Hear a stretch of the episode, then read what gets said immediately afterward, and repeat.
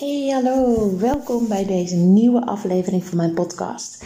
En uh, het is inmiddels uh, tien voor half elf op donderdagavond. En ik besefte opeens, oh, ik heb mijn podcast nog niet opgenomen. En morgenochtend moet die natuurlijk alweer online zijn. Dus ik ben nog eventjes weer naar beneden gegaan en uh, neem nog even deze podcast op. Ik heb vanavond de masterclass gegeven aan ouders over vaders doen ertoe. En de reden dat ik deze masterclass heb ontwikkeld, um, is eigenlijk omdat ik ontdekte dat alle jongeren die ik in mijn praktijk begeleid te maken hebben met een emotioneel afwezige vader. En dat vond ik heel erg interessant. Daar heb ik ook al vaker in podcast over verteld. Maar het is nog waardevoller en interessanter om te weten wat er nou eigenlijk achter het gedrag van deze vader zit. Want het is heel makkelijk om een oordeel te hebben over een vader die niet beschikbaar is voor zijn kinderen. Maar hier is altijd een reden voor. En het mooie was, ik had vanavond, de meeste deelnemers waren vaders, waren mannen. Uh, en er was één moeder aanwezig.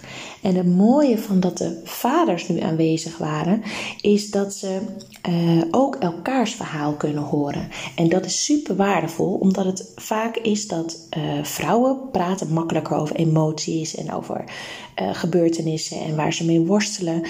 En vaders over het algemeen niet. En al helemaal niet met andere vaders. Er berust nog steeds een soort van taboe en schaamte op het delen van emoties of überhaupt uiten van emoties bij mannen. En het ja, uiten van worstelingen, ehm, het vragen om hulp. Het is allemaal iets wat mannen niet zo graag doen. En ik zal zo over de masterclass verder vertellen. Maar ik heb vanmiddag heb ik ook een online congres bijgewoond over um, ja, jongens en mannen eh, behandelen of begeleiden in, in de hulpverlening. En wat er nou anders aan is dan bij vrouwen.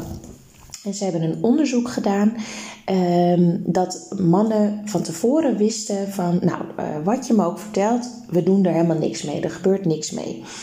Uh, tot aan stadium 4 dat uh, ze direct teruggebeld zouden worden door een specialist en die ook intensieve begeleiding zou geven. Dus er waren vier fases van helemaal dat er geen gevolg op hun verhaal gegeven zou worden, tot aan intensieve begeleiding. En toen bleek uit het onderzoek dat de mannen veel meer en opener vertellen, vertelden over hun depressies als ze wisten dat er niks met het verhaal zou gebeuren, dat er geen hulp gegeven zou worden. En toen was dus het aantal eh, mannen met depressie was heel hoog. En hoe meer er ondernomen werd, um, na het verhaal, dus als ze dat van tevoren wisten, hoe minder mannen hun verhaal deelden. Dus dat is wel heel interessant. Het is dus zo dat mannen liever niet willen dat er hulp wordt aangeboden. Dat er iets met hun verhaal uiteindelijk gebeurt. En dat zorgt er ook voor dat, dat er dus minder vaak hulp ingeroepen wordt door mannen. Ze moeten het zelf oplossen. Dat betekent ook dat ze als hun emoties ook niet uiten en geen hulp uh, willen, dat ze veel meer hun woede, frustratie, worstelingen allemaal binnenin zich houden. En als je te lang binnenhoudt, dan krijg je dus kan je dus depressie krijgen. Uh, het kan ook zo zijn dat alle opkropping uiteindelijk naar buiten moet komen en dat er gewoon enorme woede uitkomt. Dat het uit in agressie en boosheid en dergelijke. En dat wil je allemaal niet.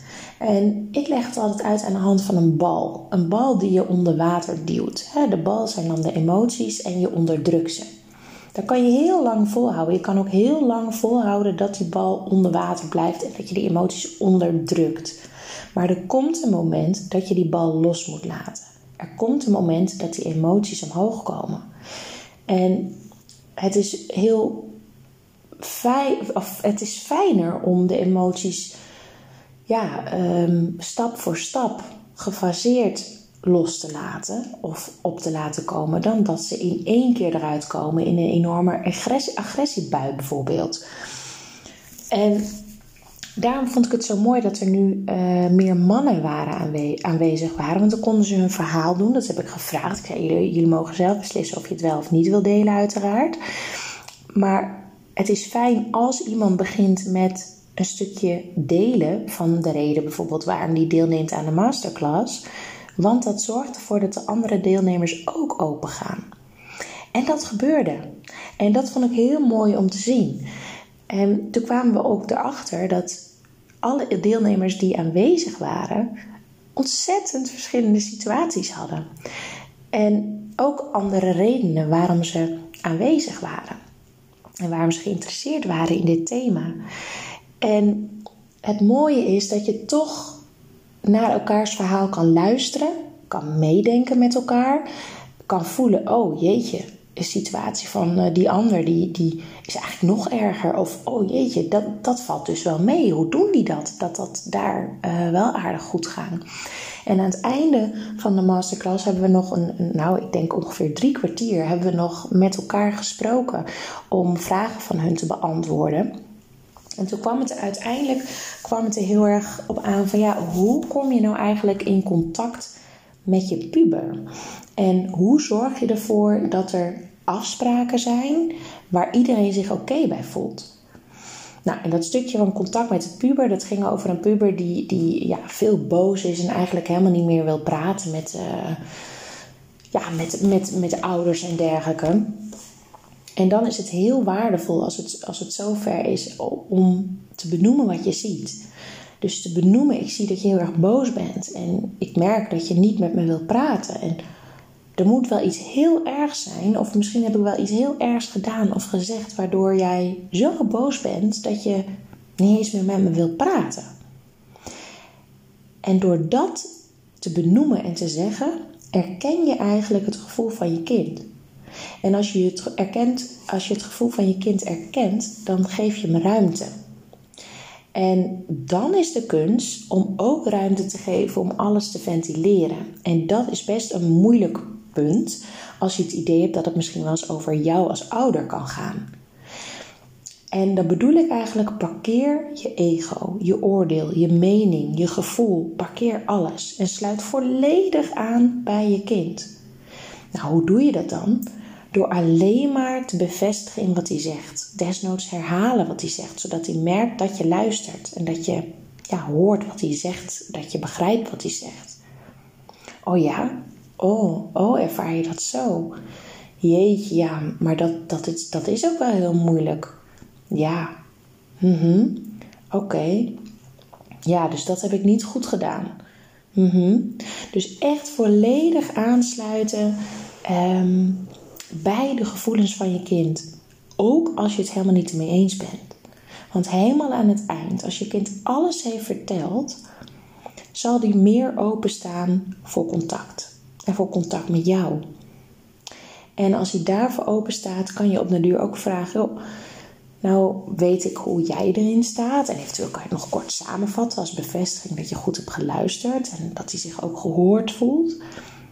En dan vragen: joh, mag ik nu mijn kant eens vertellen. Hoe, ik het zie en waar ik tegenaan loop. En jeetje, ja, want ik maak me wel zorgen om jou en uh, om je schoolwerk of, of hè, om wat dan ook.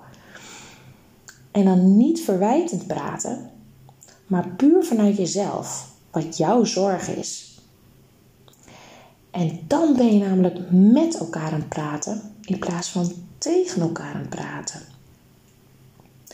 En een andere ouder die vroeg ook van ja, hoe zit dat dan met.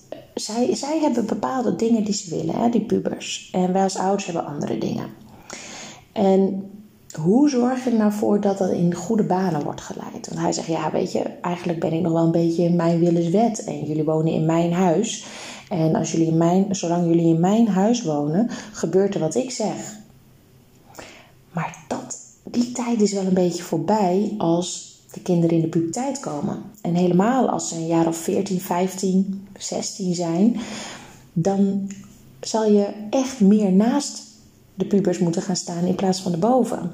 Dus niet meer mijn wil is wet, maar joh, dit is wat ik wil, wat wil jij? En dat je dan samen bespreekt hoe kun je de gulden middenweg vinden. Hè, want dat, dat pubers ook merken, ik heb wat in te brengen, ik heb wat te zeggen. En niet van ja, er is een overleg, maar uiteindelijk beslissen mijn ouders toch wel wat er wel niet gebeurt, want dat is geen overleggen. En het is dus overleggen in plaats van opleggen. En met elkaar praten in plaats van tegen elkaar praten. En um, dat werkt ontzettend goed. Want iets wat ik bijna bij alle jongeren altijd in de praktijk hoor, is: Mijn ouders nemen mij niet serieus. Of mijn ouders luisteren niet naar mij. Of um, mijn ouders snappen we niet. En op zich, al die dingen kunnen ook uiteraard kloppen. In ieder geval voor hun gevoel. En het is het is zo dat de pubers, zodra die zich ontwikkelen in de puberteit, dat ze gewoon steeds meer zelfstandig worden. Ze zijn steeds meer bezig met het ontwikkelen van hun autonomie. En als ze hun autonomie aan het ontwikkelen zijn, betekent dat dat ze steeds sterkere eigen mening krijgen. En dat is positief, want dat hebben ze nodig om te kunnen overleven in de maatschappij.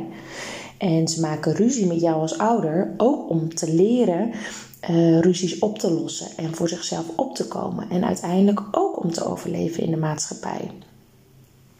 En dat is positief eigenlijk. Al vinden wij als ouders dat soms best wel even pittig dat ze die autonomie ontwikkelen.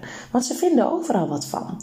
En het lijkt dat ze overal scheid aan hebben, als ik het zo mag zeggen.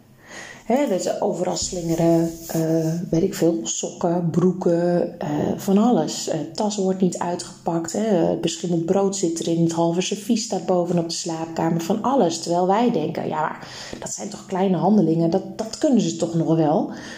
Maar vergeet niet dat in het puberbrein dat ze hun hele hersenen nodig hebben om een kleine handeling uit te voeren.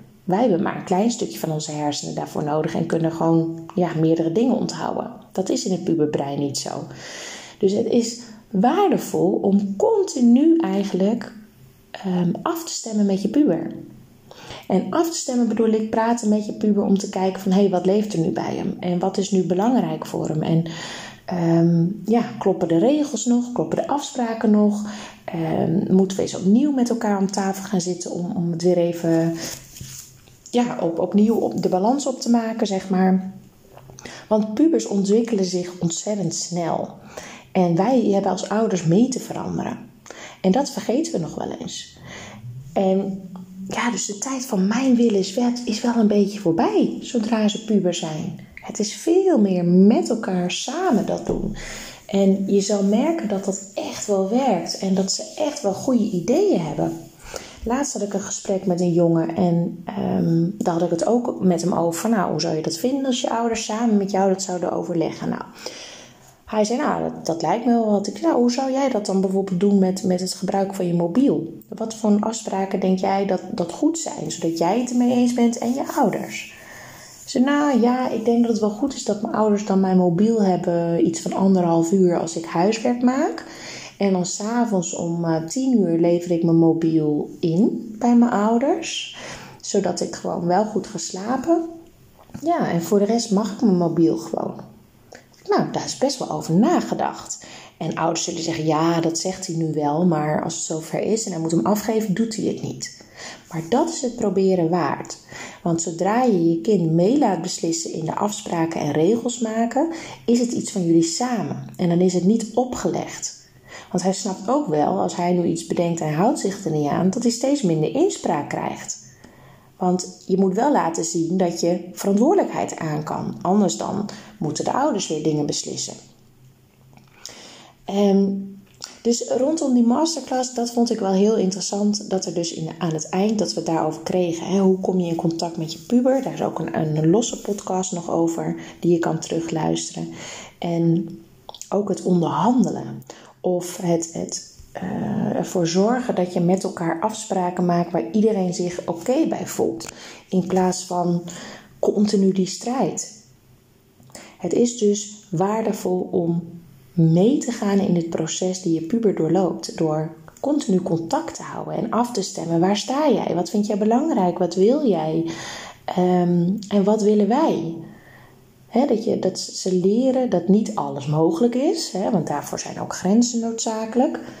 Maar dat ze ook wel inbreng mogen hebben. En zo leren ze het overleggen. Nou, ik hoop dat jullie hierbij wel uit hebben gehaald. Ik zou het heel leuk vinden als je dat laat weten, wat je eruit hebt gehaald. Want dan uh, weet ik ook wat jullie ervan vonden. Ik wens jullie nog een hele fijne dag. Doei doei!